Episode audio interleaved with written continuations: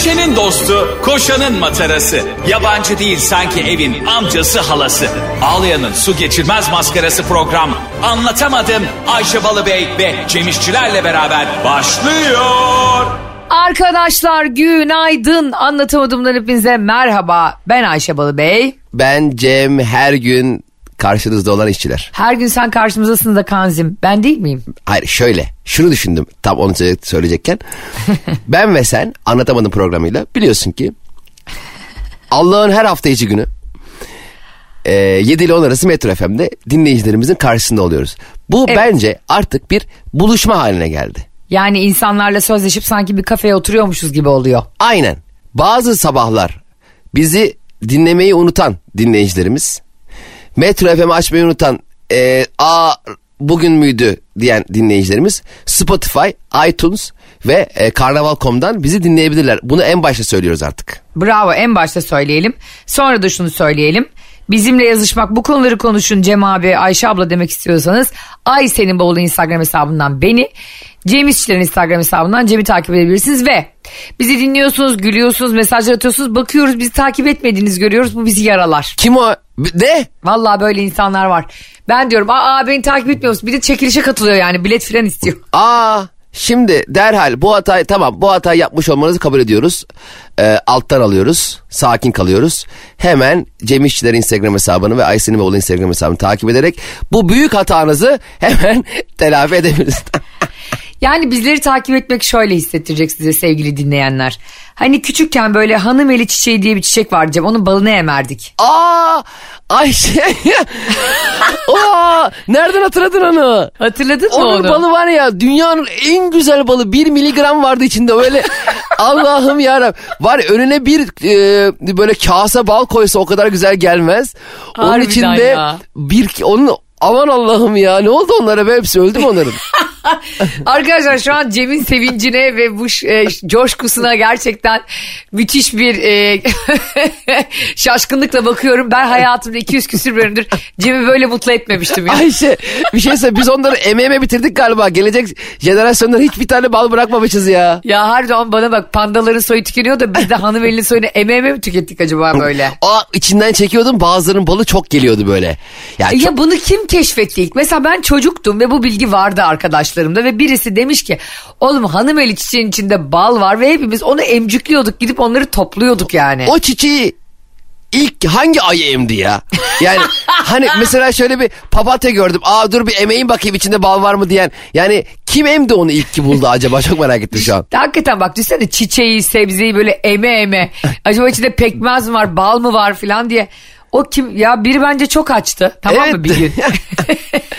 bir de hakikaten insan merak ediyor. Mesela patatesi buldun tamam mı? Dur haşlayayım da bakayım nasıl olacak. Aa çok güzel oldu. Dur bir de kızartayım.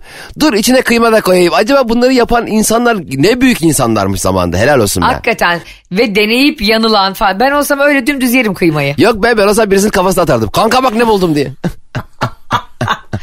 Birkaç gündür kafamı kurcalayan bir şey konuşmak istiyorum seninle. Hadi bakalım neler olacak gene. Şimdi sen e, baktığımızda gerçekten çiçeğin balını emmek için bile çiçekten izin alacak bir tipsin ya. evet. Hani onun yazılı rızası yoksa Ayşe'cim boş ver git, gitmeyelim o tarafa falan. Ayşe ben fax çektim cevap bekliyorum. Birazdan emeceğiz. Hanımeli'nin e, şeyinden ailesinden haber bekliyorum diyecek bir tipsin. Senin gibi insanlar bu hayatta çok empatik insanlar nazik insanlar oluyorlar aslında. Kibar ve saygılı. Bazı insan tipleri var onlar da benim gibi daha coşkulu daha neşeli daha yüksek yaşayan ikimiz de her şeyi dalgaya ve şakaya vuruyoruz. Evet. Baktığımda e, Türkiye'de de böyle dünya genelini bilmiyorum tabii ki. E, Euro 25 olduğu için şu an dünya geneli. Dünya geneline şu an Google Earth'ten bakıyoruz. Ee, şöyle bir şey var. Fazla neşeli ya da fazla nazik insanlar iş hayatında çok ilerleyemiyor. Ben Sen mi? yani şöyle komedi dünyasından bahsetmiyorum. Bu benim kendi hayatım zaten bu komedi. iş olarak bakmıyorum ama bugüne Evet. kadar yaptığım hiçbir işte gerçekten tekstil, ihracat, dış ticaret sorumlusu. Daha doğrusu ben dış ticaret sorumlusu oluyordum. Yani hep böyle problem çıkıyor. Malları Evet gönderememişim. dış ticaret sorunumuzu getiriyoruz şu an. Bize malları yanlış gönderen kardeşimiz Evet. Abi mallar Nijerya'ya gitti. Cem göndermiştir. Yani Ay bir de öyle bir üstüne bu şuraya bir kere yanlış yapınca iş yerinde. Öf. evet bir kere yapsam iyi. Kardeşim seni zekat olarak mı çalıştırıyorlardı? acaba? ben de anlamıyorum. Beni hakikaten iyi niyet göstergesi. Hani e, yabancılar gelince bakın Cem'i bile çalıştırıyoruz burada. Öyle bir iş, ö- iyi niyetli iş yeriyiz diyorlardır herhalde. Ee, evet sen e, de bu sıkıntıyı yaşadın demek ki hakikaten. E tabii şimdi ben şimdi teknik bilgime çok fazla hakim olmayan e, ve sevmediği işi yapamayan ve bunu çok çok geç keşfetmiş biri olarak 37 yaşında ben bu e, stand up işte komedi sahne dünyasına adam akıllı adım atabildim. Yani gerçekten yapmayı sevdiğim işi 37 yaşında buldum ben. Doğru. O yüzden e, Yani o yüzden de aslında yaptığımız bir sürü işlerde başarısız olduğumuzda hata yaptığımızda çok da böyle hevesimiz içimize kaçmasın. Çünkü bak Cem 37 yaşında ben 40 yaşında yani ikimiz de aslında 40 yaşında radyocu olduk seninle bu arada. ya zaten bence yaptığın işte başarısız değilsindir. Başarılı olduğun işi bulamamışsındır. Aa ne kadar güzel bir söz. Gene güzel bir şey söyledim ya. Gerçekten ve şunun e, artık eminim yani daha ka- işte kaş, kaşları çatık daha öfkeli gibi duran daha az gülen insanların bizleri daha iyi yöneteceği düşünülüyor şirketlerde. Mesela benim çok yakın bir arkadaşım aynı senin gibi diyeceğim. Çok şakalar yapıyor sürekli. Kız böyle gerçekten cıvıl cıvıl ve neşeli bir tip. Harika. İşini de yapıyor bu arada. Tamam. Hani kız işini hakikaten iyi de yapıyor. Eğitimi falan da iyi. Ama terfi dönemi geldiğinde ona dediler ki bu kız fazla neşeli ve bir ekip yönetemez. Allah Allah. Evet bak insanlar dinliyorlarsa bana hak vereceklerdir şu an. Bir sürü beyaz yakalı var biz dinleyen okulda öğretmenler, bankada çalışanlar, temizlik işçileri her yerde bir kere bu hiyerarşi var. Bir insan daha asık suratlıysa onda daha çok yönetici vasfı var, lider vasfı var gibi düşünüyoruz. Niye acaba daha çok şaka yapan insanlar hay hayatımı ciddiye alacak diye düşünüyoruz, bizi bu işimi kotaramayacak diye düşünüyoruz. Ya da şundan da olabilir belki. Yani sen bunu söyle ben sonrasında bir şey düşüneceğim. Neden sence? Şimdi ben de ben şöyle düşünüyorum. Şimdi empati yoksunu olması gerekiyor yöneticilerin e, düşüncesi var. Yani eğer empati kurarsa, eğer o işçinin çok çalıştığını, hakkını alamadığını, aslında daha yukarılara gelse daha başarılı olabileceğini, bu kadar fazla çalışma saatinin o insana fazla gelebildiğini düşünebilecek yapıda bir insan olursa empati yapan bir insandır. Zaten şaka empati yoluyla yapılabilen bir şeydir ya başkasının alanına girmeden, onu zorlamadan, onu güldürmek maksadıyla yap- yapılan bir şeydir. Çok ince bir şeydir şaka. Şaka yapmak, Evet. şaka yapmayı seven insanlar. Şaka yapmayı seven insan e, o insanı kullanmak istemez. Çünkü şaka yapmak şöyle bir şey değil. Dur şimdi ensesinde bir tokat çalayım da bak nasıl korkuyor. Bu şaka değil. Ama e, O ayılık yani artık. Ha, eşek şakası diye tabir ettiğimiz ama bizler gibi insanları güldürmekten mutlu olan insanların gülümsemesine haddinden fazla değer veren insanları her zaman 1-0 önde baştan iki- ikili ilişkilerinde kişiler yönetici olmaya çok uygun kişiler değiller. O yüzden o neşeli hanımefendi ne yazık ki e, keşke o şirket çok neşeli çok tatlı biri onu müdür yaparsak veya terfi ettirirsek e, şirkete daha pozitif bir hava yayılır diye düşünse ihracat hacmi artacak aslında. Daha poker suratlı, daha sinsi, e, insanları asık suratla yöneten, insan e, insanları başa getirmeyi tercih ettikleri için sonra diyorlar ki Allah Allah çalışanlar niye sürekli şikayet ediyor? Acaba niye? Evet tabii. Beş karış surat müdür gelmiş. He. Ee, Bir de bizim de patron öyle yapardı. Mesela sekiz buçukta başlardı e, mesai. Dokuza kadar patron gelmezdi. Bu da şu demekti. Yani dokuza kadar kahvaltınızı yapın arkadaşlar. Ben size böyle bir incelik yapıyorum demekti. Biz Ha. de 9'a kadar mutfakta gay gay guy guy muhabbet işte geyik çok eğlenceli. Mesela 9'a kadar motive oluyorduk gerçekten. Sonra patron birdenbire 8'de dikilmeye başladı firmanın önüne. Aa. Daha biz gelmeden geley. Ya arkadaşım bu yöneticilerin de yani ben ekipten önce gelirim. Herkesten önce burada olurum. O şovları ne ya? Ta 8'de ekipten önce geliyorsun eyvallah. Sonra 3'te nereye gidiyorsun acaba? ne oldu da sabah dikildin güvenlikten önce geldin şirkete de. Ee, Ya sonra ke- nereye kendi gittin? kendine esnek çalışma saati yapıyor işte o kendine göre. Evet ama ben çok seviyordum. Mesela bazen patron bana kendi özel işlerini yaptırıyordu. Ben mesela diyordu ki şunu yatırsana bankaya diyordu. Allah'ım o bankaya bir gidişim var. Hani Şener Şen'in ayaklarını kıçına vura vura koştuğum sahne var ya. Öyle gidiyorum. Çünkü oradan ben hızlı bir şekilde iş halledersem bir tane poğaçayla çay alacağım kendime. Benim çok sevdiğim poğaçacı vardı orada. Po- poğaçayla çay alacağım kendime. Cennet ya. Yani mesai hangi, saatinde. nerede çalışıyordun? Hangi semtteydi o zaman işin? Doğu Sanayi Sitesi. Semte bak. Yeni Bosna'da. Yok Yeni Bosna'daydı. Ha Yeni Bosna tarafındaydı. Evet, evet. tamam. Bayılıyorum. Benim patronun kardeşleri falan da aram iyiydi. Bazen işte arabayı yaptırmaya giderken benim de muhabbetim falan iyi eğlenceliyim ya. Beni yanlarına Ha. götürüyorlardı. Allah'ım o anda. Çünkü işim var ama e, patron çağırıyor canım. Ne yapabilirim kardeşim patron Evet. çağırıyor. Yoksa ben istemiyorum yani. Yoksa ben köpek gibi çalışmayı çok seviyorum ama patron çağırıyor ne yapayım? Dünyanın en zevkli şeyi de rapordur abi. Hafif böyle burnunla kar koşa koşa gider rapor yazdırırsın ya. Evet doktor bir de şey diyor mesela hafif burnun akıyor diyelim. Doktor diyor ki raporu yazayım mı? Orada doktorun gözlerinin içinde bakışım var. Yani bana yıllık rapor yazın. Bu burun geçmez. Bu grip asla geçmeyecek diye rapor yazın bana. Bir de soruyor musun doktorcum ya gerçekten soruyor musun diye. Ben bir de rapor alacağım zaman raporu şak diye getirirsem inandırıcı olmaz diye rapor almadan He. önce patronun odasının etrafına seke seke geziyorum Ceylan gibi. Hani ama bu arada hastalığım da sekmemi gerektirecek bir hastalık değil anladın mı? Grip, nezle, halsizlik. Ulan halsizsin de niye topal gibi geziyorsun? Yani çünkü e, halsizlik yani nezle çok belli olan bir hastalık değil ya uzaktan. Sanki dersin ayağımdan vurdular kapıda. Evet. Patron ya bizim mafya hesaplaşması vardı valla beni buldu adamlar ya. Şimdi seni de vurmasınlar ben bir yıllık izne çıkayım. Ay Allah'ım ya. E, Ben bir kere öyle yöneticime e, çok önemli bir toplantı vardı. Ben de hazırlanmamıştım işte o zaman avukatlık yapıyorum. Böyle bir şirket devralması var tamam due diligence diye bir şey var işte. E, işte böyle büyük şirketlerin devralınması ve satın alınması için her şeyi incik cincik inceliyorlar. Ben de Ha. biliyorsun rahatı seviyorum kanzim yani. due diligence, due diligence geçin yani ben yokum evde oralarda. Benim de gözlerimde bir şey var böyle alerjik mesela işte diyelim her zaman sürdüğüm bir göz kalemini sürmeyeyim şişiyor. İşte biliyorsun zaten kontak lens kullanıyorum gözlerim 10 numara olduğu için. E, Ay- Ay- Ayşe'cim seninki kontak lens değil seninki başka bir göz. Sen gözüne göz takıyorsun görmen için.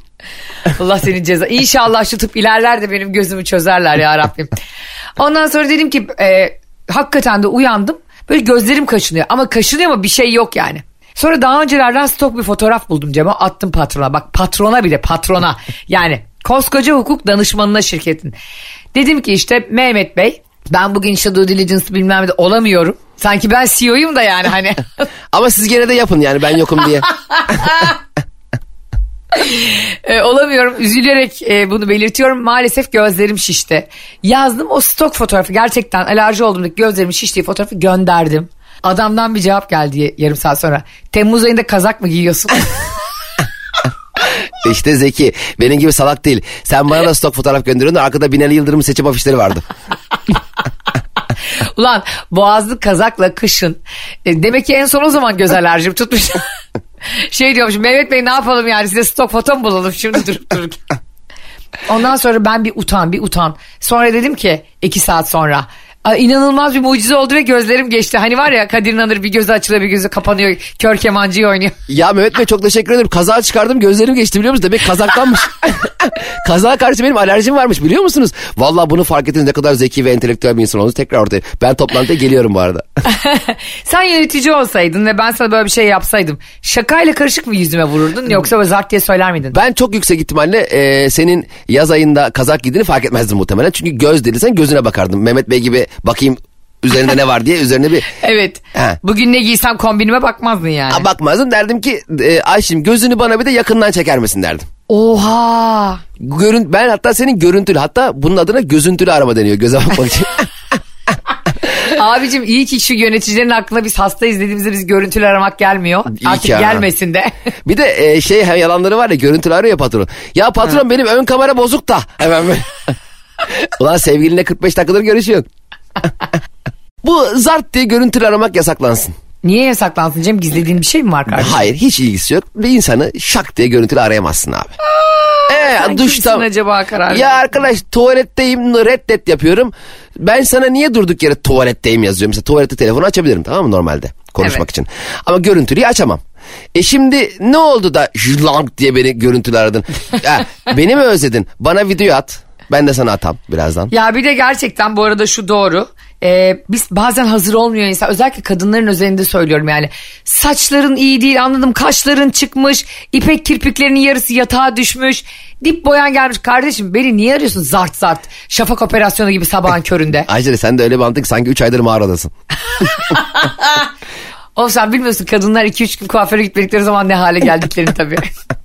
Ha kuaförler de çok enteresan bir eylem. Mesela geçen biz Amsterdam'a gitmiştik ya bakıyorum orada her şey düzenli, intizamlı. Saatini e, saat randevusu almadan orada olamıyorsun falan. Bizim Bakırköy'de bir şey var.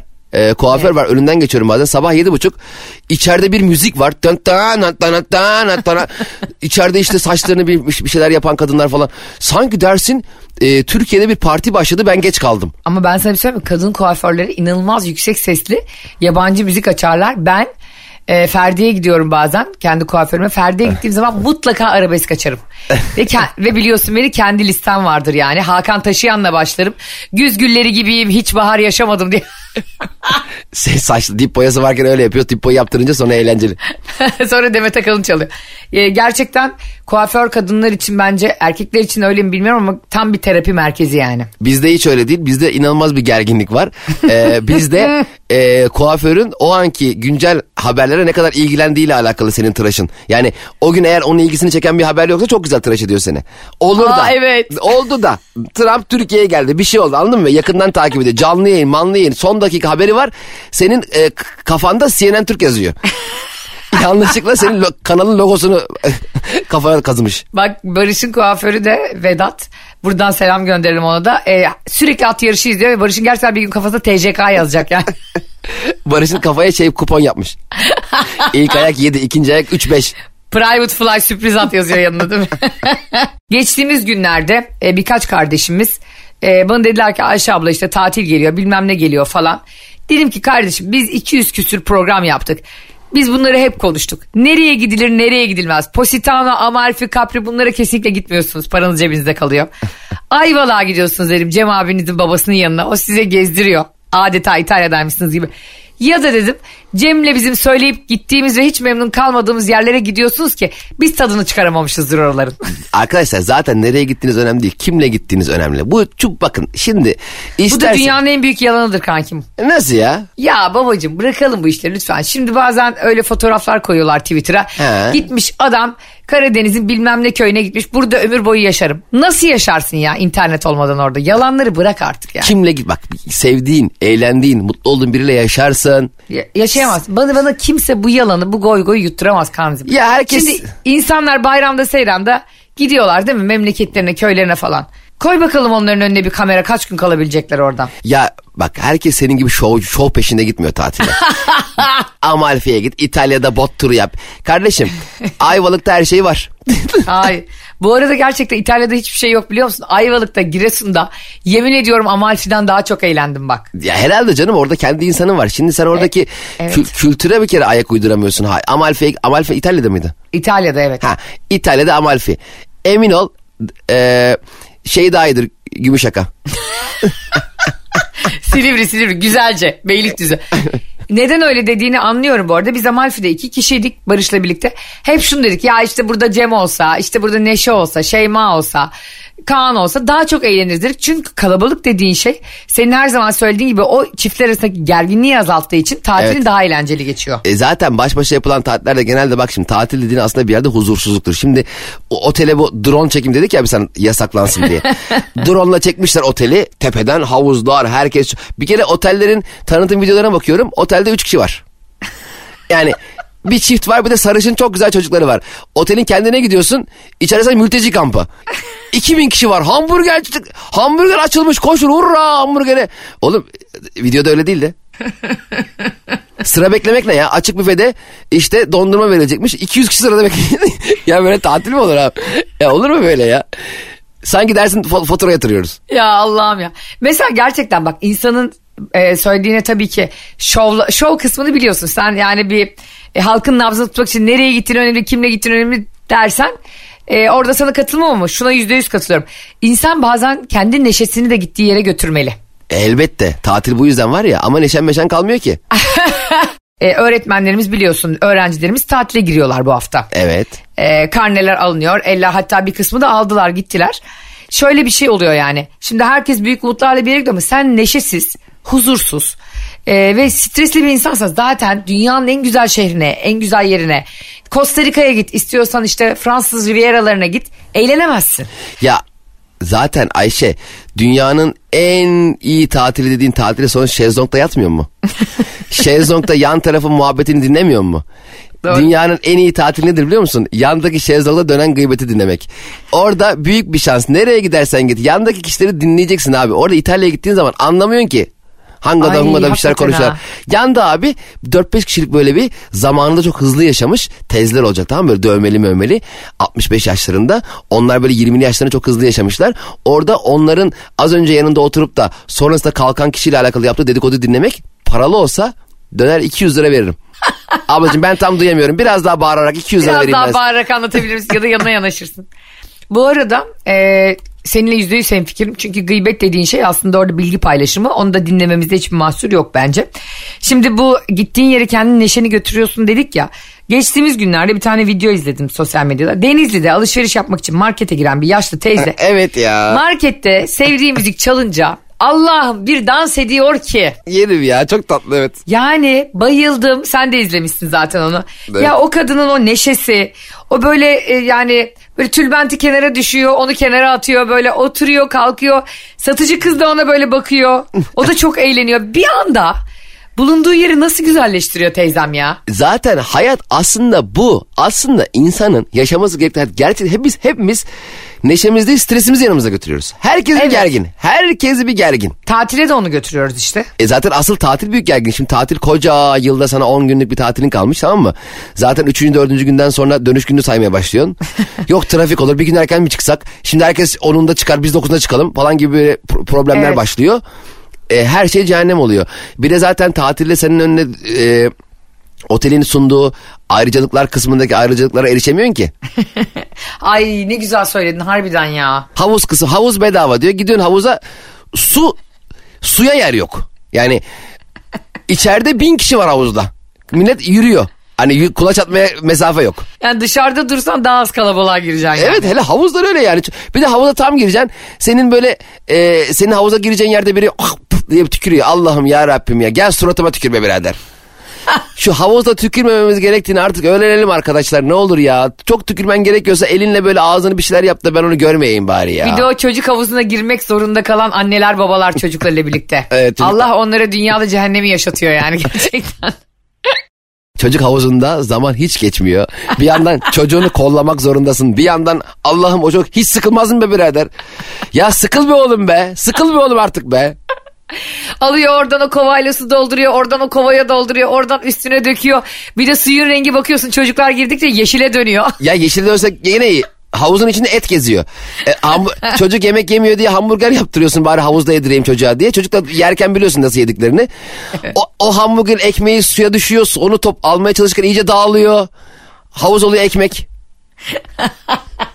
Koca bir kasede ekmek. Ya gerçekten ben hakikaten en hijyenik olmayan yerde bu otellerde falan çocuk havuzları ve garibim çocuklar da en çok mikroba alacak yavrular. Evet, bir de aynen. onları oraya sokuyorlar. Yani mesela büyüklerin havuzunda şöyle bir şey var ya işte sen tuvaletini yaptığın zaman yani küçük tuvaletini bir e, etrafta mesela böyle renk oluyor ya. O var mı hala? E, o zaman vardı bilmiyorum ben hala onun korkusuyla hemen Bunu öğrendiğimiz iyi oldu. hemen çıkarım havuzdan da. E, çocuklara yapsan gerçi ne anlayacak ki yavrum kırmızıdan yeşilden gelene bırakıyorlar.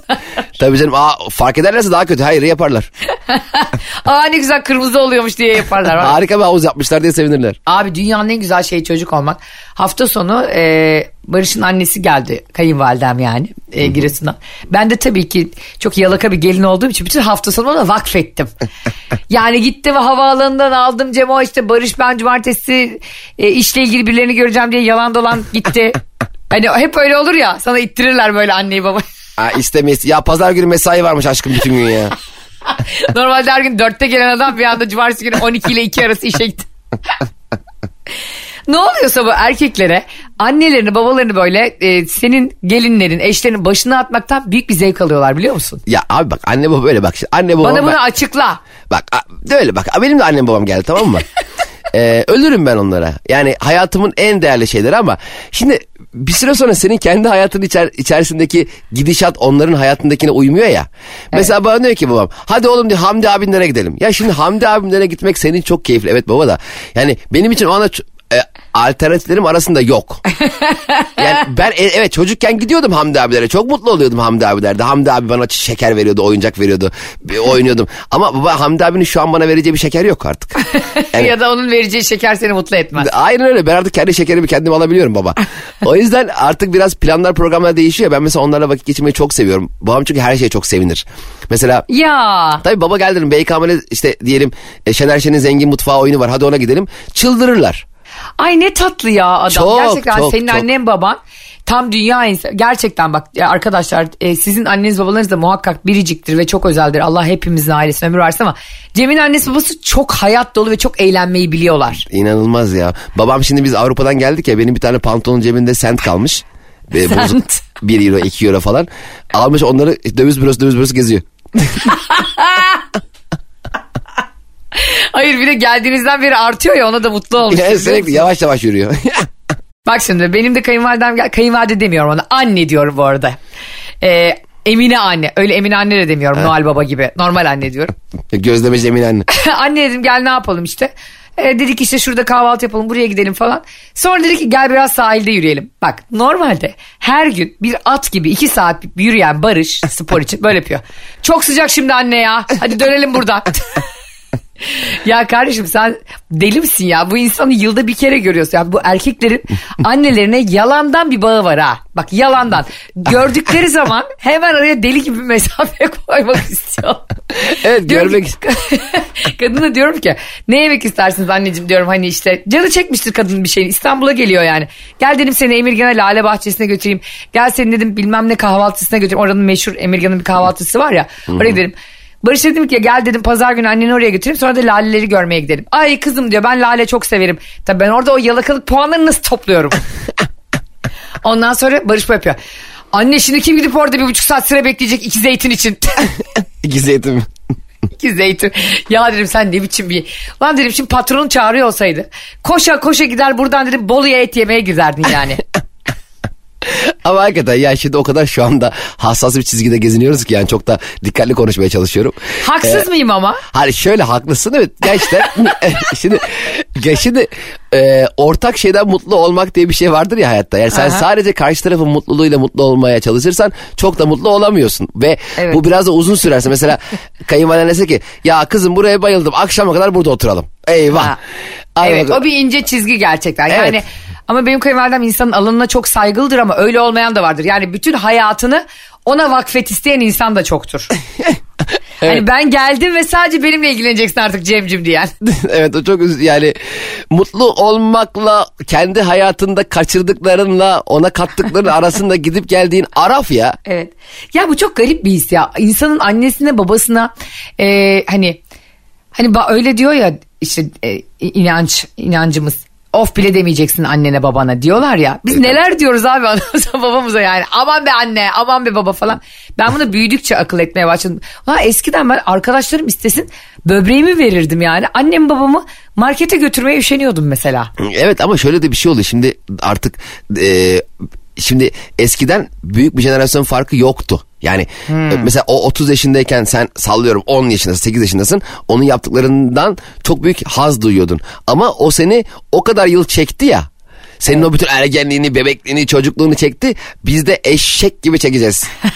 eşek gibi hem de. Değil mi? Mecbur. Çünkü biliyorsun ileride şimdi çocukları olan insanlar daha iyi biliyor. Sen ailenin nasıl davranırsan bu hayatında bir karması oluyor. Senin çocuğun da sana öyle davranacak yani. Evet zaten ben e, yani toprağın şimdi şu bütün hayatımı adadığım oğlumun e, ben 55-60 yaşına geldiğimde bana işte oğlum beni şuraya kahvaltıcıya götür. Baba dur ya ben sevgilimle şeye gideceğim Ha. demesi. Oğlum çok güzel lan benim. Evet. Başlarım lan seni sevgili dersin sen. Ben öyle bir şey de biliyorsun yani. Ee, dedim ki o kızın bacağını yırtarım sonra senin saçını yırtarım. Ay Cem ben iyi ki kayınvalide olmamışım ha. ya bir şey söyleyeceğim. Bak Ee, Allah var ya kurban oldu biliyor da işte bazılarına veriyor. Bence bence sen mükemmel bir kayınvalide olursun. Hiç bahsettiğin gibi olmazsın da. Ay Ama canım, doğru. o- olur da. Ama olur da seninle bir ters giderlerse. Yani Ha. olur da bir tatile çağrılmazsan. Olur da bir bayramda ilk gün bayram namazından da önce. Gel, senin evine gelinmezse. Aman yarabbim o sene ne olur o evde. ben ne olurum biliyor musun? Sürahi hanım olurum ya. Müthiş karakter değil mi ya? ya müthiş bir karakterdi. Yılmaz Erdoğan'ın yazdığı Yasemin Yalçın'ın oynadığı. Aynen. Yasemin Yalçın'da Bakırköy tiyatrosu var. Aa gidelim mi bir gün ben çok severim onu. Evet evet mükemmel de bir oyunları var. Şimdi ismini çıkaramadım. Hatta ben seyrettim oyunlarını. Cenk Tunalı falan da oynuyor. Ee, İlyas, misin? Evet İlyas İlbey de oynuyor e, eşi. Hmm. Ee, çok güzel bir oyunları var. Ee, onları sahnede ya, tiyatronun inanılmaz büyüsü var. Yıllar yıllar yıllardır böyle takip ettiğin, sevdiğin, bildiğin kişinin bir oyununu performa etmesi karşında canlı canlı alkışın alkışını ona duyurabilmen, kahkahanı ona duyurabilmen çok başka bir his. Tiyatro asla ölmez ya. Yok. Hem asla ölmez e, hem de bence gerçekten de korunması gereken bir e, sanat dalı. Çünkü her şey o kadar dijitalleşti ki hayatta. İnsanın kanlı canlı bir şey izlemeye, bir performans görmeye yani gerçek bir oyunculuk görmeye ihtiyacı oluyor hakikaten de. Şimdi her ne olursa olsun mesela sosyal medyada önümüze düşen videolar, güzel parçalar, e, ne bileyim ben birdenbire denize düşen işte yok köpek balığını aldık denize attık şöyle saldırdı video izliyoruz ya. Evet. Bir şey bekliyoruz, bir sonuca ulaşsın istiyoruz ve tepkimizi, reaksiyonumuzu sadece başka bir videoya geçerek gösteriyoruz. E, o kişiyle irtibat kuramıyoruz ama tiyatroda bizzat oradayken o kişiyi onore edebileceğin bir hale bürünebiliyorsun seyirci olarak ve bence insanın hayatta tatması gereken bir duygu bu. Evet ve onların da tek motivasyonu alkış olduğu için oyuncuların yani tiyatro sahnesi biz de öyleyiz ya gösteri yapan sahnedeki insanların en büyük Bir motivasyonu de o yani. bir de bilet. Yani abi geldik çok alkışladık. Alkışladım da ben alışveriş yaparken kasaya şey 2 kilo domates ödeme neyle alkışla. Yani Cem İşçilerin en sevdiği huyunu söylüyorum size. Diyorum ki bizi çok dinliyor çocuklar çok seviyor. O da diyor ki Ayşe bu beni çok mutlu ediyor. Sonra böyle diyor. 18 yaşına gelsinler de bilet alsınlar. Ayça bir sana o zaman bir tane ani bir çocuk oyunu yapalım. Anlatamadım çocuklar bahçesi. Aa olur vallahi süper olur. Ben ağaç kardeş, ben kuş kardeş diye ben. Şimdi Cem'ciğim hani çocuklar falan filan dedik ya işte anneler babalar. Ben küçükken e, biz seninle aynı jenerasyondanız yani aramızda ay farkı var. E, biz küçük bir yerde yaşıyorduk. Ben Antakya doğumluyum ailem de öyle. Annem benim öğretmendi babam da öyle hep çalışmak zorunda kaldı ikisi de ve e, ben çok görmedim ailemi aslında annemi de babamı da. Bizi hep komşular büyüttü biliyor musun? Ve o Aa. zaman insanlar komşularına çok güveniyordu çocuğunu bırakacak kadar. evet evet evet. Ee, mesela şey vardı. Ee, Asiye teyze diye Erzurumlu bir teyze vardı ikinci katta oturan. Biz e, öyle bir hani özel okullarda kreşler falan da öyle şimdiki gibi değildi yani adım başı özel kreş. E, ama annemlerin o şey paraya bile e, ne işte devlet okulunun kreşine bile para vermeye yetmiyordu tamam mı? Hani o kadarını bile almaya. O bizi Asiye teyzeye bırakıyorlardı Neşe ile beni 3 yaş vardı aramızda. Sonra Asiye teyze bize sene sonunda Asiye teyze anaokul diye karne veriyordu. ya çok tatlı be. Evet az önce seninle konuşurken onu düşündüm. Yani bize ne oldu da değil mi 40 yılda bu kadar çok birbirimize güvenemez olduk. Komşularımızı tanıyamaz olduk. E bak annemin babamın yerine geçecek kadar beni büyütüp beni sahiplenen aile, aile dostları vardı o zaman. Komşunla aile dostu gibiydin o zaman. Çünkü kalabalıklaştık ve o kalabalık bizi korkutmaya, ürpertmeye başladı. Eskiden Hmm. daha az insan tanıyıp daha yakından onlarla iletişim kurabiliyorduk ve birbirimize güveniyorduk. Şimdi o kadar çok e, alan daraldı, insan sayısı çoğaldı ki artık güven dediğimiz kavram e, çok geride kaldı. Çünkü e, güvenebileceğin kadar yakından tanıyamadığın bir e, hayat sirkülasyonuna girdik hepimiz. Doğru. Bir yandan da işte sosyal medyada okuduğun haberler, yalan yanlış dezenformasyon bazen bilgiler insanları o kadar korkutuyor ki yani hakikaten insan çocuğuna bile parkta çocuğunu götürse 3 saniye bile gözünü çekmiyor yani üstünden. Çek- çekemiyorsun kimin ne olacağını hiç bilemiyorsun. Çünkü senin Evet. kendi konfor alanının dışından gelebilecek e, farklı kültürde ve altyapıda ve tam olarak neyi ne yapacağını tam kestiremediğin insanlar da artık çevremizde yaşayabiliyor ve o yüzden bir koruma alanı oluşturuyoruz. O yüzden eğlenmekten çok korumaya çalışıyoruz. Eskiden eğlence ön plandaydı. Ee, şuradan söylüyorum bunu sevgili anlatamadığım dinleyicilere. Eminim bizim yaşlarımızda olup da komşuların çocuğuyla büyüyen, komşuların evine gidip teklifsiz gelen bir sürü insan vardır. Ve o samimiyetle, o kalabalıkla büyüyen senin e, dediğin gibi ama konforlu bir kalabalıkla büyüyen. Cem geçen gün şöyle dedi bana ve ben çok üzüldüm. Ee, oğlanı toprağa bırakacak ama annesini bekliyor. Serpil'i bekliyor. Ee, şimdi onlar ayrılar ve ayrı apartmanlarda yaşıyorlar. Yani eski eşinin bir tane komşusu yok ki. Hani Cem'in de o anda çıkması lazım işi de var. Hani toprağa teslim edeceği hiçbir arkadaşı yok eski eşinin o apartmanda ya da orada. Evet, evet. Yani Ve, şöyle. ve saatlerce bekledi yani mesela eski eşi gelsin de toprağı ona emanet etsin diye. Aynen aslında şöyle var aslında tabii ki var ama e, es- eskisi o eski duygumuz kalmamış bizim. Artık e, çocuğumuzu şu kişiye emanet edebiliriz diyeceğimiz yakınlık kuramamışız insanlarla. O kadar çok birbirimizin hayatından uzak bir e, gün geçiriyoruz ki.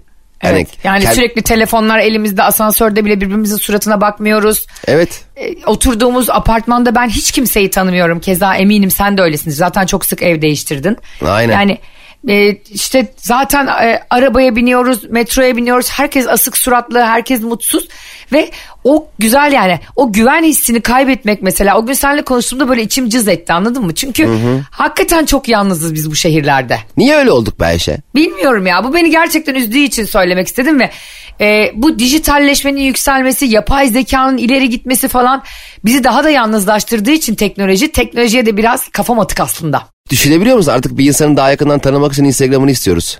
Mesela Aa bravo ya. çok yeni tanıştığım bir insanın kendi kendini kendinden tanımaktansa Instagram'ına ekliyoruz. Bakıyoruz ne yapmış, nerelere gitmiş, nerede çalışıyor, nasıl bir intiba oluşturuyor, nasıl storyler atmış diye onu tanımaya çalışıyor. Halbuki onu tanımaya çalıştığın kendisini göstermek istediği hali. Kendi bizzat kendi hali değil. Yani oturup onunla iki çay içsen eminim hakkında Instagram'ında gezdiğinden daha çok fikir sahibi olursun. Çünkü artık beklentimiz var birbirimizden. Biriyle çay içmek için bir beklentimiz olsun. Ondan alabildiğimiz bir şey olsun istiyoruz. Dur- durduk yere birini tanımak için çay içmek, sohbet etmek, bir yerlere gitmek gibi eylemleri eskisi gibi yapmıyoruz. Ne kadar değişti dünya ya. Vay anasını ya. Evet ya yani onu gerçekten biz eski kafalı insanlar da değiliz. Analog yaşayan insanlar da değiliz. Dijitali de reddetmiyoruz. Yani bunu konuşuyoruz ki şimdi e, şimdi bizi dinleyen bir sürü çocuk var, bir sürü aile var. Biz bir yere böyle kapıldık gittik yani. Annelerimizin, babalarımızın, dedelerimizin, ninelerimizin verdiği mirasa sahip çıkamadık yani o anlamda. Evet belki de sahip çıkmamız e, e, tabii ki her şey eskisi gibi gitsin dünya hiç gelişmesin demiyoruz ama sahip çıkmamız gereken gerçekten bazı şeyler var. Ama bu bizim de elimizde olmadı ki Ayşe. Biz mi istedik ülke bu kadar kalabalıklaşsın, şehrimiz bu kadar kalabalıklaşsın, altyapısı henüz tam toparlanamadan yüz binlerce araba dışarılarda gezsin, insanlar oradan oraya koştursun, çok az vakitleri kalsın. Bunu biz istemedik ki. Biz ayak uydurmak durumunda kaldık belki de. Evet kesinlikle öyle ama biraz da böyle yabanileştik Cemo hepimiz yani. Şimdi birisi gelip kapımıza e, bir fincan kahve istese hepimiz şaşkınlıkla bakarız bu plazalarda Ha, falan. Kim deriz bu acaba? Hırsız Ha, mı, arsız mı? Ha, acaba başka bir şey mi istiyor? Elinde tiner mi var? Beni mi bayıltacak? Öbür elinde bıçak mı var falan. Yani o kadar artık komplo teorilerin içinde hani sosyal medyada komplo teorisi okuyorsun. Dijital portallara gidiyorsun komplo teorili diziler, filmler izliyorsun. Yani zaten dünya da senin üstüne bu endişeyi boca ediyor. Vay be bir gülümsemeye hasret kaldık. Hakikaten.